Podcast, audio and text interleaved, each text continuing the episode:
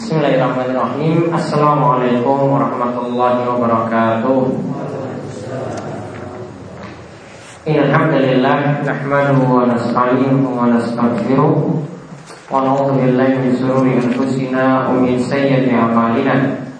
Man yahdihillahu fala mudilla lahu Wa man yudlilhu fala hadiya lahu. Wa ashhadu an la ilaha illallah Wahdahu la syarika وأشهد أن محمدا عبده ورسوله اللهم صل على نبينا وسيدنا محمد وعلى آله ومن تبعهم بإحسان إلى يوم الدين اللهم انفعنا بما علمتنا وعلمنا ما ينفعنا وزدنا علما Baik para jamaah sekalian yang semoga selalu dirahmati dan diberkahi oleh Allah Subhanahu wa taala.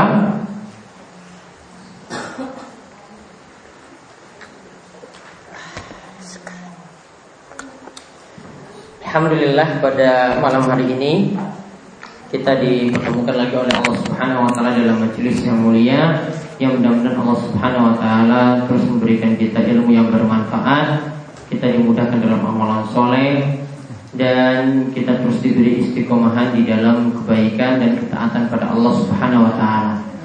Baik pada kesempatan kali ini kita seperti biasa akan membahas dua kitab yaitu yang pertama kita akan bahas tentang kitab ya Masail Jahiliyah yaitu tentang perkara-perkara jahiliyah dan yang kedua kita akan bahas tentang kitab Bulughul Maram.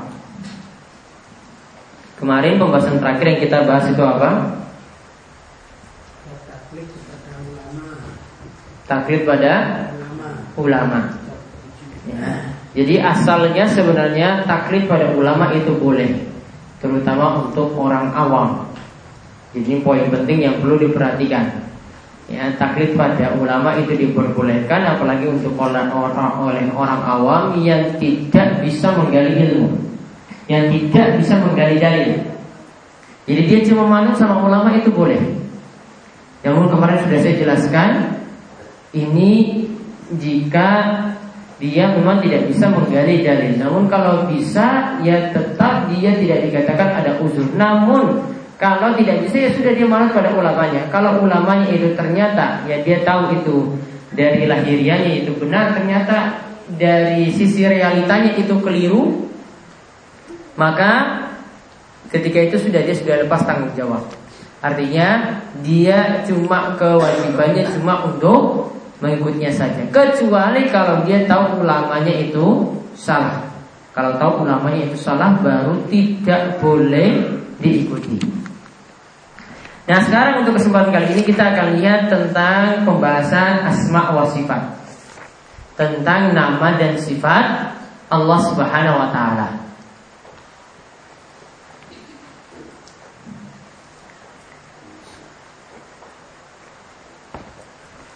Yaitu kita akan membahas di antara sifat jahiliyah mereka itu keliru dalam memahami nama dan sifat Allah.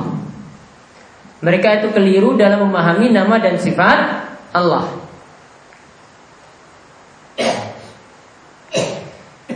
Sekarang kalau kita ingin mengetahui apa nama dan sifat Kalau nama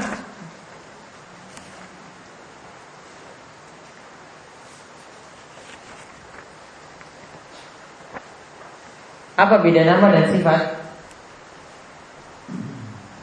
Tanasir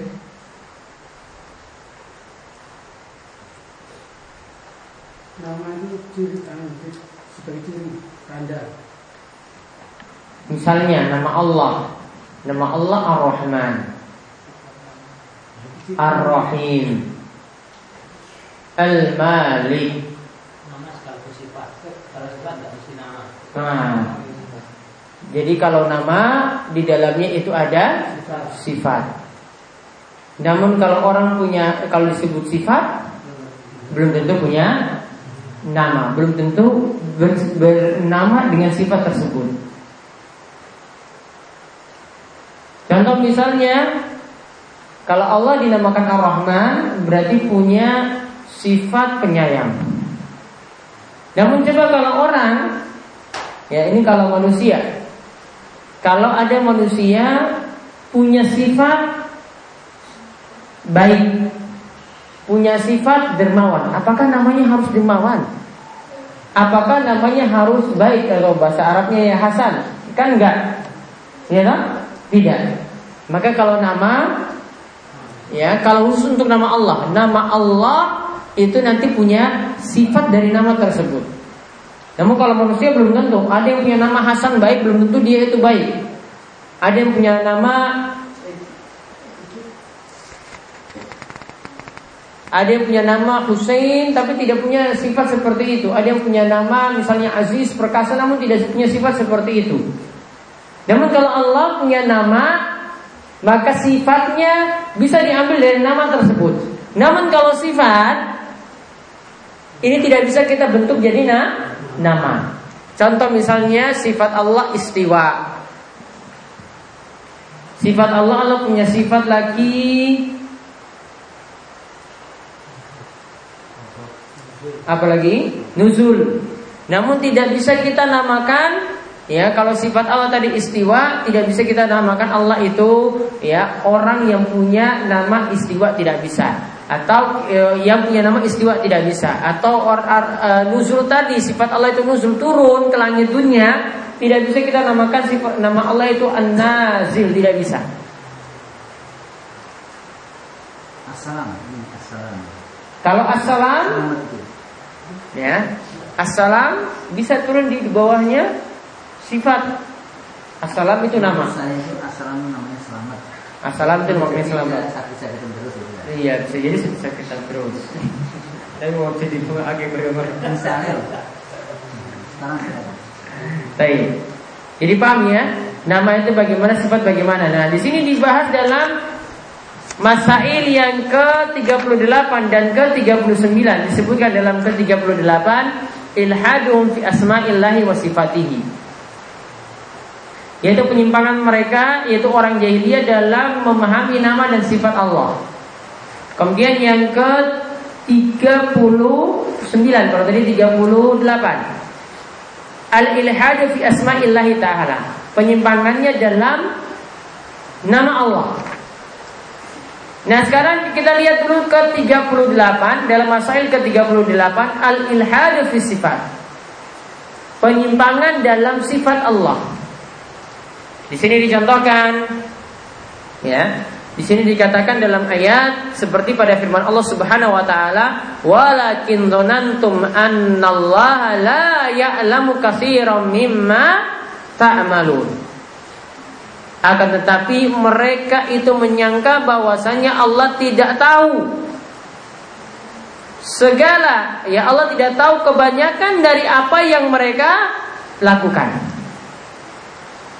Jadi dalam ayat ini yang dinafikan itu apa? Sifat apa di sini? Walakin dzanantum anallaha la ya'lamu. Apa yang dinafikan dalam ayat ini? Allah tidak tahu. Orang-orang jahiliyah mengatakan Allah itu tidak tahu. Mereka sangka Allah tidak tahu. Berarti sifat jahiliyah di sini adalah mereka menolak sifat Allah, yaitu mengetahui.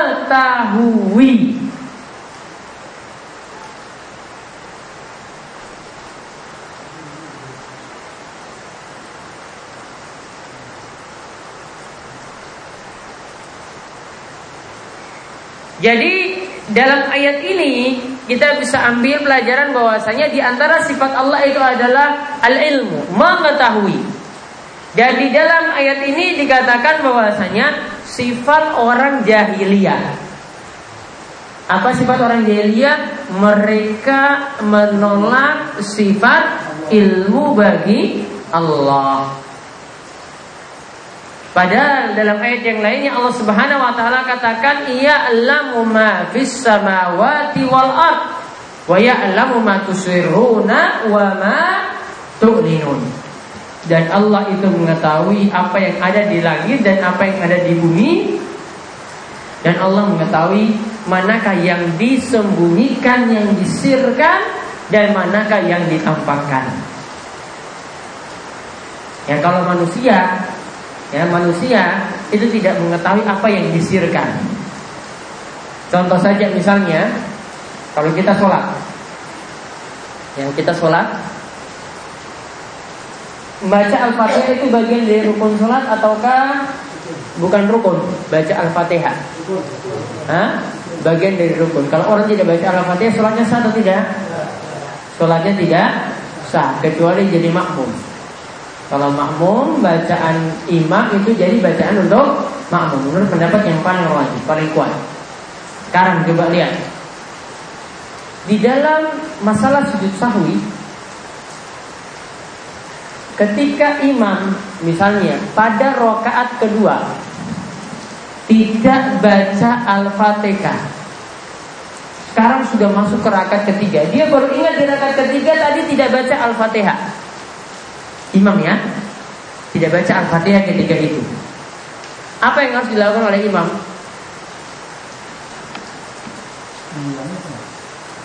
Dia sekarang sudah di ketiga. Apakah sholatnya diulangi batal semuanya ataukah dia tinggal lanjutkan nanti tutup dengan sujud sahwi ataukah dia kembali ke rakaat kedua yang tadi tidak baca al-fatihah kira-kira apa? Hah? Lanjutkan Berarti rakaat ketiga masih tetap rakaat ketiga nanti tinggal tambah satu rakaat. Berarti nanti dia kerjakan lima dong.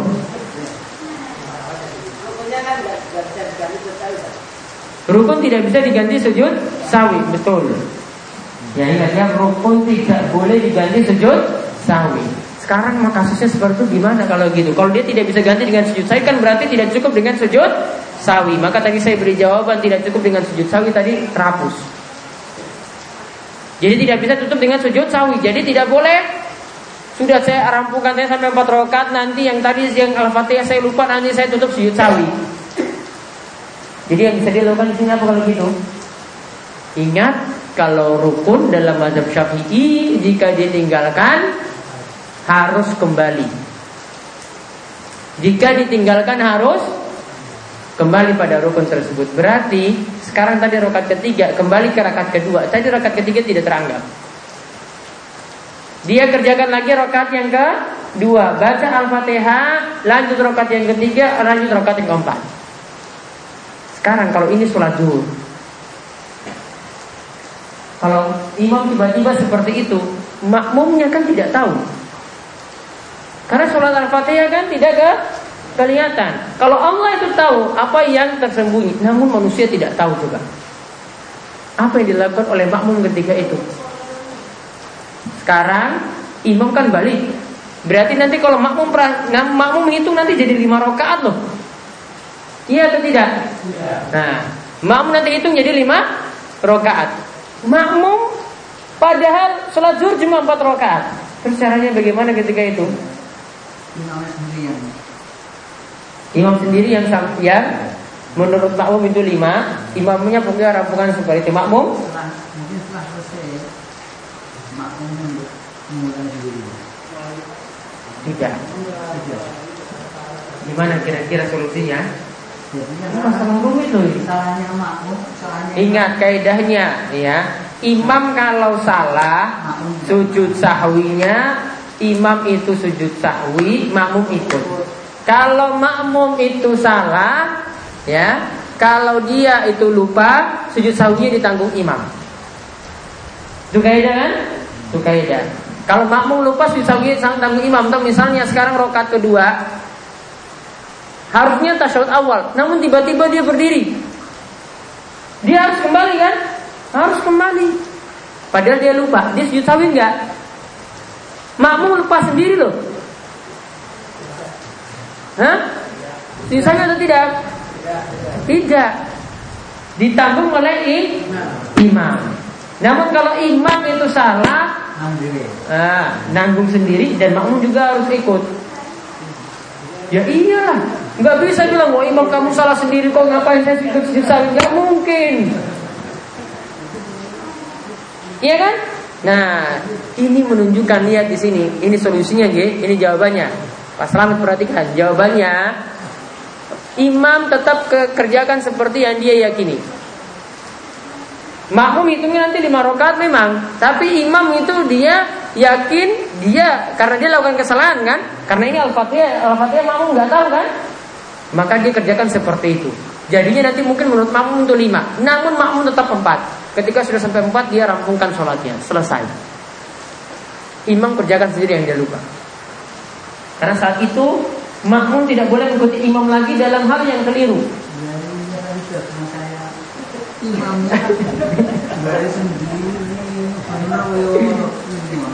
Iya berarti imam empat. Nah berarti imam imam jadi lima kan menurut makmum lima kan? Makmumnya jadi empat. Enggak mengulang lanjutkan. Dia kembali ke rakaat kedua itu cuma dalam sholat cuma perasaan saja. Ya dia cuma kembali saja tanpa bilang sama makmum lah. Sholatnya masih sholat. Jadi sekarang sudah rakaat ketiga ya.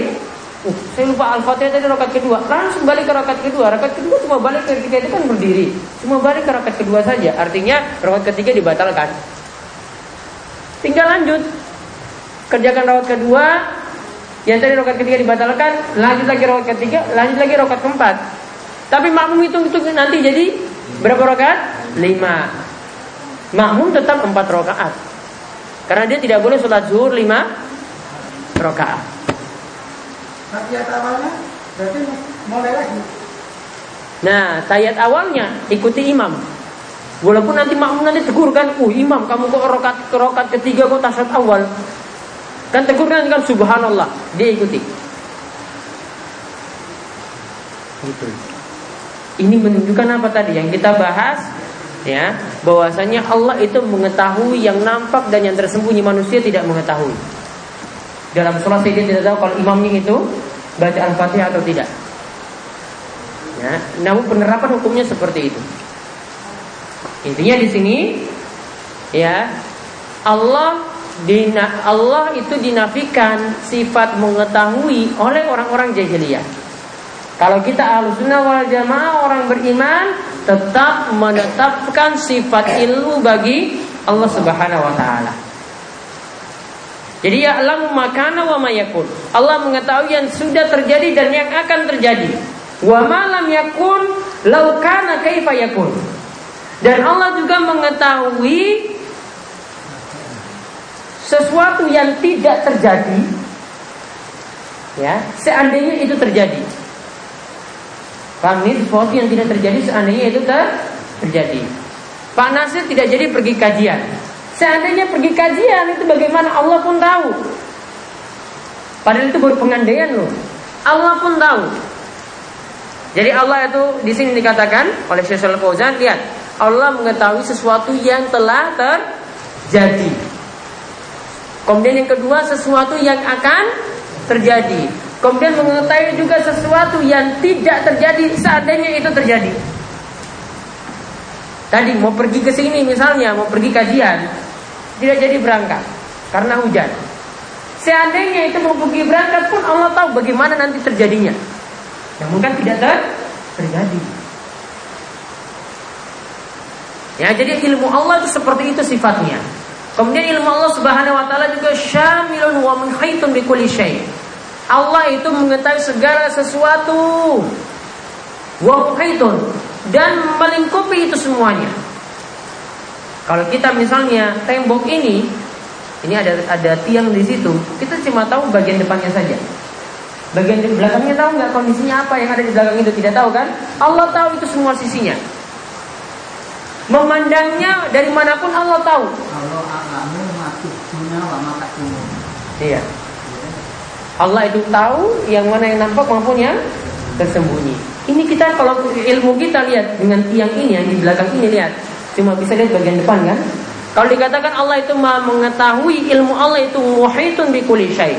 Muhitun maksudnya setiap sisi pun Allah tahu. Di balik ini Allah tahu. Kalau kita cuma terbatas ilmu kita seperti itu. Ya, kalau kita ilmu kita cuma terbatas apa yang kita lihat. Itulah maha besar ilmu Allah Subhanahu wa taala. Ya, maha besar ilmu Allah Subhanahu wa taala. Makanya Allah itu nggak usah dites-tes lagi. Ya nanti ditanya lagi, ya gimana kalau misalnya, ya ini kalau kita pakai logika-logika atau pakai jalan pemikiran filsafat misalnya tentang sifat nuzul tadi. Sifat Allah Subhanahu wa taala yang turun ke langit dunia. Pada kapan? Turun ke langit dunia itu kapan? Sepertiga malam terakhir. Maka tidak boleh muncul pertanyaan, terus kalau Allah turun nanti siapa yang jaga langit? Gak boleh tanya seperti itu. Ya. Allah turun sekaligus punya sifat menetap di atas arsnya juga bisa. Namun bagi manusia tidak mungkin. Kita jangan pakai logika kita. Dia punya pertanyaan seperti itu karena pakai logika manusia. Ya kan? Dia pakai standarnya dia, dia standarkan untuk Allah. Tidak boleh. Allah punya standar sendiri. Wong kita saja dengan ilmu saja tadi ya, kita lihat ya, standar ilmu kita cuma bisa lihat depan tembok. Kalau kita pakai patokan ini untuk Allah tidak bisa. Karena ilmu Allah itu maha lu, luas. Jadi tidak ada boleh muncul pertanyaan, ya kalau Allah turun ke langit itu, siapa yang jaga as Allah? Gak boleh. Ya, tetap pokoknya Allah itu tetap tinggi di atas arsnya dan punya sifat nuzul. Allah melakukan itu mudah sekali bagi Allah Subhanahu wa taala. Kalau kita tidak bisa. Ya, kalau kita misalnya dulu di kursi dikatakan, "Oh, Pak Nasir sudah turun dari kursi." Gak mungkin dikatakan lagi beliau duduk sambil turun, gak mungkin. Ya kan? Gak mungkin seperti itu. Namun bagi Allah itu sangat-sangat mungkin. Ya, manusia saja berbicara dengan berbagai macam bahasa. Sebutkan satu waktu berdoa dengan berbagai macam bahasa yang di Eropa, yang di Amerika, yang di Indonesia berdoa satu waktu. Tet jam 9 semuanya berdoa serentak. Kira-kira Allah bisa menjawab itu semuanya enggak? Mendengar itu semuanya enggak? Ya bisa. Namun kalau pakai standar manusia, wah ini translate-nya gimana? Ternyata kalau pakai standar manusia nggak bisa. Satu waktu lagi loh. Gimana mau dengar satu waktu? Bahasa berbeda. Namun Allah itu melakukannya sangat-sangat mungkin. Ya, jadi ini pemahaman dalam sifat Allah itu harus diperhatikan seperti itu. Jangan pakai standar manusia untuk membandingkan sifat Allah. Ya, kalau pakai standar manusia tidak bisa. Paham ya? Nanti bisa memahami sifat-sifat yang lainnya. Pokoknya Allah punya sifat yang maha sempurna yang tidak sama dengan makhluk. Laisa kamislihi syai'un wa samiul basir. Allah itu tidak serupa dengan makhluknya. Kalau dikatakan tidak serupa maka jangan disamakan. Ya, mau ditanding-tandingkan itu nggak bisa. Nah, wa samiul basir. Allah itu maha maha sami' maha mendengar lagi maha melihat. Melihatnya Allah dengan manusia itu berbeda. Tadi contohnya tadi bagian depan tembok. Kemudian ya mendengarnya Allah berbeda juga dengan manu, manusia. Kalau ada yang bisik-bisik di balik tembok saya kita tidak bisa dengar. Namun Allah itu maha mendengar.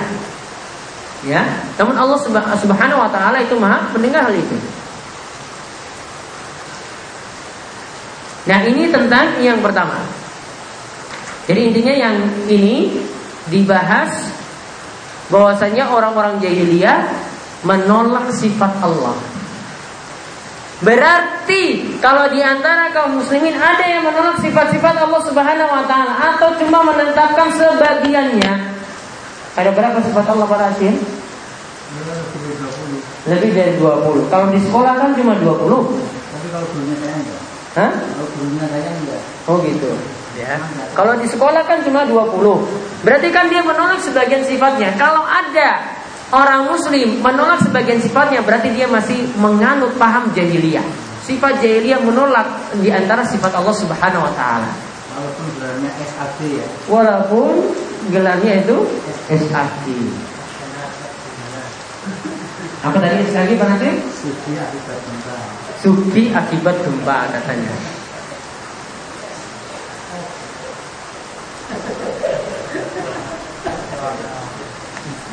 Sarjana agama.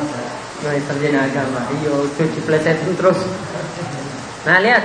Kemudian yang berikutnya, yang ke-39, al-irhadu fi asma'illahi ta'ala. Penyimpangan dalam nama Allah Subhanahu wa taala. Ilhadnya bagaimana? Penyimpangannya bagaimana? Lihat. Contohnya adalah firman Allah, "Wa hum yakfuruna birrahman." Mereka orang-orang kafir, orang-orang musyrik dahulu itu mengkufuri nama Allah Ar-Rahman. Ini yang disebutkan dalam surat Ar-Ra'du ayat ke-30. Kita tahu Ar-Rahman itu nama Allah atau tidak? Nama Allah. Nama Allah. Ar-Rahim juga masuk nama nama Allah. Dan ingat ya, ada nama Allah yang cuma khusus bagi Allah, tidak boleh manusia punya nama seperti itu. Contohnya apa? Allah itu sendiri. Gak boleh ada yang manusia punya nama Allah, gak boleh. Ar-Rahman gimana kalau Ar-Rahman? Boleh nggak manusia namanya Rahman? Hmm? Ar-Rahim Ar-Razik Maha pemberi rizki? Tidak boleh. Gak boleh ada manusia namanya Ar-Razik Gak boleh. Maha pemberi rizki Cuma Allah yang memberi rizki. Al-Khalik Maha pencipta? Tidak boleh. Karena cuma Allah subhanahu wa ta'ala yang maha pencipta. Ya. Al-Mudabbir yang mengatur alam semesta. Tidak boleh. Karena cuma Allah Subhanahu wa taala yang mengatur alam semesta. Jadi ada nama yang cuma khususan bagi Allah. Tidak boleh manusia punya nama seperti itu. Ada nama yang boleh manusia juga bernama seperti itu. Contoh Malik. Ya toh? Manusia ada yang namanya Malik kan? Malaikat sih ada namanya Malik. Kemudian contohnya apa lagi? Aziz Assalam Boleh Ya manusia boleh seperti itu. Kalau itu nama khusus bagi Allah Maka kalau manusia mau pakai nama itu Harus dengan tambahan Abdun. Jadi Abdullah. Jadi Abdul Khaliq. Jadi Abdul Razak. Jadi Abdul Mudabbir. Ya Harus dengan nama seperti itu. Nah kita kembali di sini lihat. Wahum yakfuruna birrahman. Ini kisahnya seperti apa? Nah di sini lagi diceritakan oleh Syekh Shalal Fauzan Ketika itu Rasulullah ingin menulis perjanjian antara beliau dengan orang musyrik Yaitu perjanjian Hudaybiyah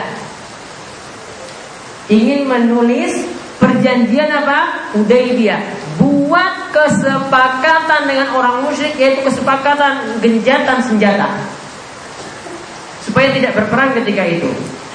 Maka itu Suhail bin Amr yaitu dia katakan hati uktub kitaban. Mari kita buat perjanjian.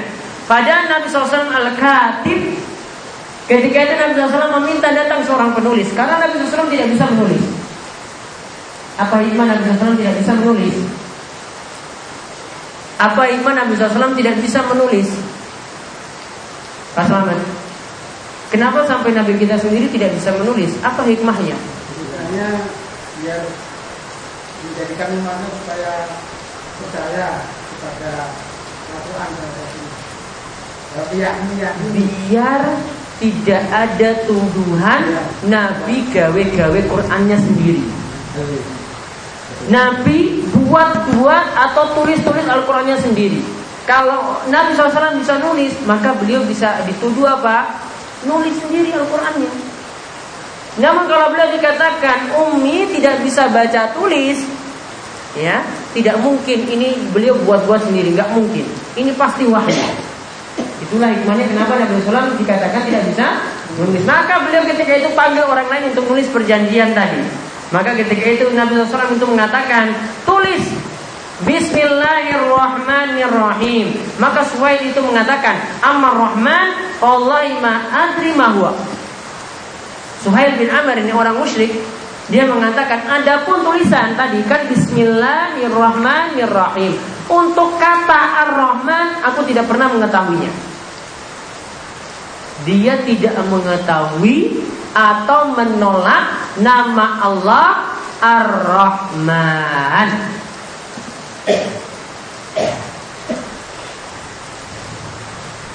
Dia katakan di sini saya cuma mengenal Rahman itu cuma Rahman ya mama. Yang dimaksudkan di sini adalah Musailamah al-Kadzab. Jadi Musailamah al-Kadzab itu digelari Ar-Rahman. Karena Musailamah dinamakan dengan Rahman. Maka turunlah ayat wahum yakfuruna birrahman. Itu tentang ayat ini. Mereka itu mengingkari nama Allah Ar-Rahman.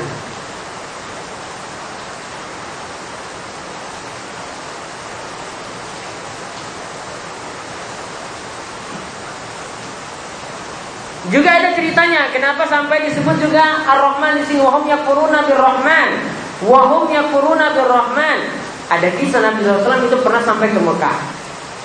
Dan ketika itu Nabi SAW menyeru atau berdoa, Ya Allah, Ya Rahman. Dan Nabi SAW itu berdoa, Ya Allah, Ya Rahman. Maka orang-orang muslim ketika itu mengatakan, Coba lihat, tengok coba. Orang ini itu menyebut apa? Lihat, dia katakan bahwasanya dia itu menyembah ilah yang satu, menyembah Allah yang satu sesembahan yang satu. Namun kok dia dia panggil itu dua, Allah sendiri, Rahman lagi sendiri. Allah sendiri, Rahman lagi sendiri. Allah taala maka ketika itu Allah Subhanahu wa taala turunkan ayat ya, qul Allah awidur rahman. Serulah Allah atau berarti kan berbeda. Berarti apa? Bukan maksudnya di sini berbeda, namun apa?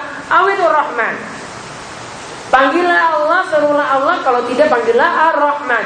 Berarti Allah dan Ar-Rahman itu sama. Sama misalnya, Pak Selamat punya nama samaran enggak? Eh, enggak. Yang punya nama samaran misalnya, ya. Pak Nasir punya nama samaran? Apa? Abu Akos misalnya. Ya. Dipanggil Pak Nasir. Tetangga-tangganya panggil biasanya Nasir. Namun teman-teman pengajiannya panggil Abu Waqqas. Ya? Ini dua, dua nama. Namun cuma ditujukan pada satu orang. Kalau pada manusia itu mungkin bagi Allah lebih mungkin lagi. Allah itu satu Namun punya nama yang banyak. Namun cuma ditujukan pada zat yang satu. Mungkin, jadi itu bukan ilahain Itu bukan dua Tuhan. Itu bukan dua sesembahan, cuma satu. Intinya di sini orang musyrik mereka mengingkari sifat Allah Ar-Rahman. Oleh karena itu, kalau ada yang punya sifat seperti ini, mengingkari nama atau sifat Allah Subhanahu wa taala, mereka berarti mengikuti jejaknya orang Jahmiyah. Contohnya misalnya orang Jahmiyah. Orang Jahmiyah itu menolak nama Allah karena tadi mereka anggapannya seperti orang musyrik anggap kalau kita sebut nama Allah itu Allah, nama Allah itu Ar-Rahman, nama Allah itu Al-Malik, nama Allah itu Ar-Razzaq, oh berarti Allah lebih daripada satu. Berarti Tuhan itu lebih daripada satu. Jadi dikira berbilangnya nama itu berbilangnya zat keliru. Jadi Jahmiyah berpemahaman seperti itu. Jadi mereka nolak nama-nama Allah. Karena nama Allah itu cuma satu Allah. Keliru. Kemudian lagi contohnya lagi dari kalangan Mu'tazilah. Yaitu mereka menetapkan sebagian nama dan menolak sifat-sifat Allah. Sifat Allah ditolak. Cuma ada nama Allah saja. Ini yang dilakukan oleh kalangan Mu'tazilah. Saat ini kalau Mu'tazilah itu kalangan ahli filsafat. Kemudian ada juga Asyairah. Asyairah itu menetapkan sebagian sifat dan menetapkan sebagian nama. Jadi nama yang kita kenal itu kalau menurut Asyairah ada berapa nama? Nama-nama Allah ada berapa? Ada yang mengatakan tujuh, ada yang mengatakan dua puluh. Kalau sifat Allah? Kalau nama Allah berapa nama Allah? Dulu pelajaran sekolah berapa? Pak Nasir? 13 Hah? 19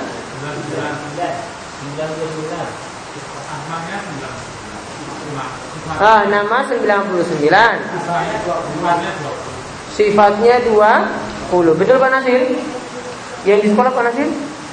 Nama Allah berapa? 20 nama Allah. Sifat Sifat 20 Nama kalau nama 7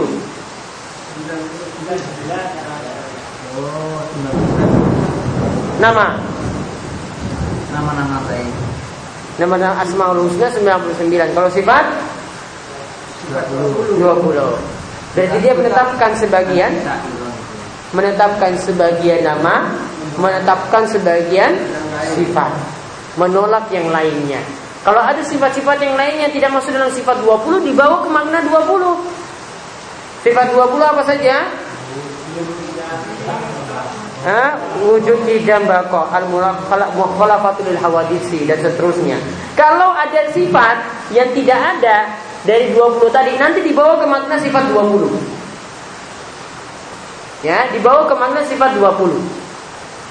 Jadi mereka intinya menetapkan sebagian nama, menetapkan sebagian sifat. Jadi masih ada asar-asar atau pengaruh dari jadi jahiliyah.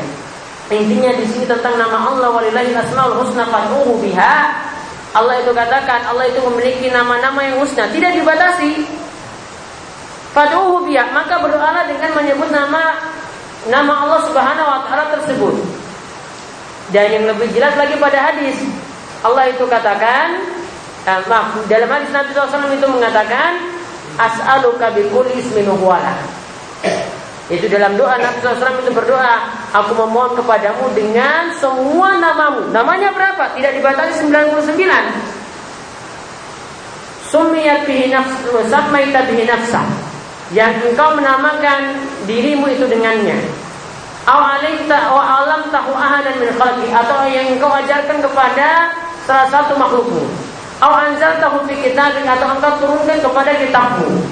Awasta'sarta bihi fi ilmi ghaibi indah. Apa yang kau simpan dalam ilmu gaibmu Berarti ada nama yang diajarkan kepada kita. Ada nama yang Allah itu simpan. Berarti kalau yang diajarkan Ya ini masih ada nama yang lainnya. Jadi intinya tidak terbatas pada Nama yang 99 Adapun hadis yang menyebutkan Nabi SAW mengatakan Allah tis'atun wa tis'ina isman. Allah itu memiliki 99 nama. Man ahsaha dakhalal jannah Siapa yang menghitungnya maka dia akan masuk surga. Maka itu ada tiga syarat. Dikatakan siapa yang hafal 30, eh, 99 Siapa yang menghitung 99 nama maka dia akan masuk surga Itu ada tiga syarat yang pertama menghafalkannya.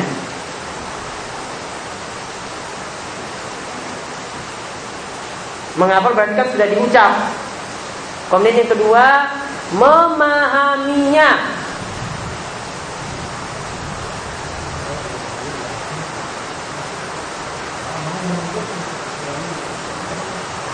Yang ketiga beribadah dengan menghayati nama-nama tersebut.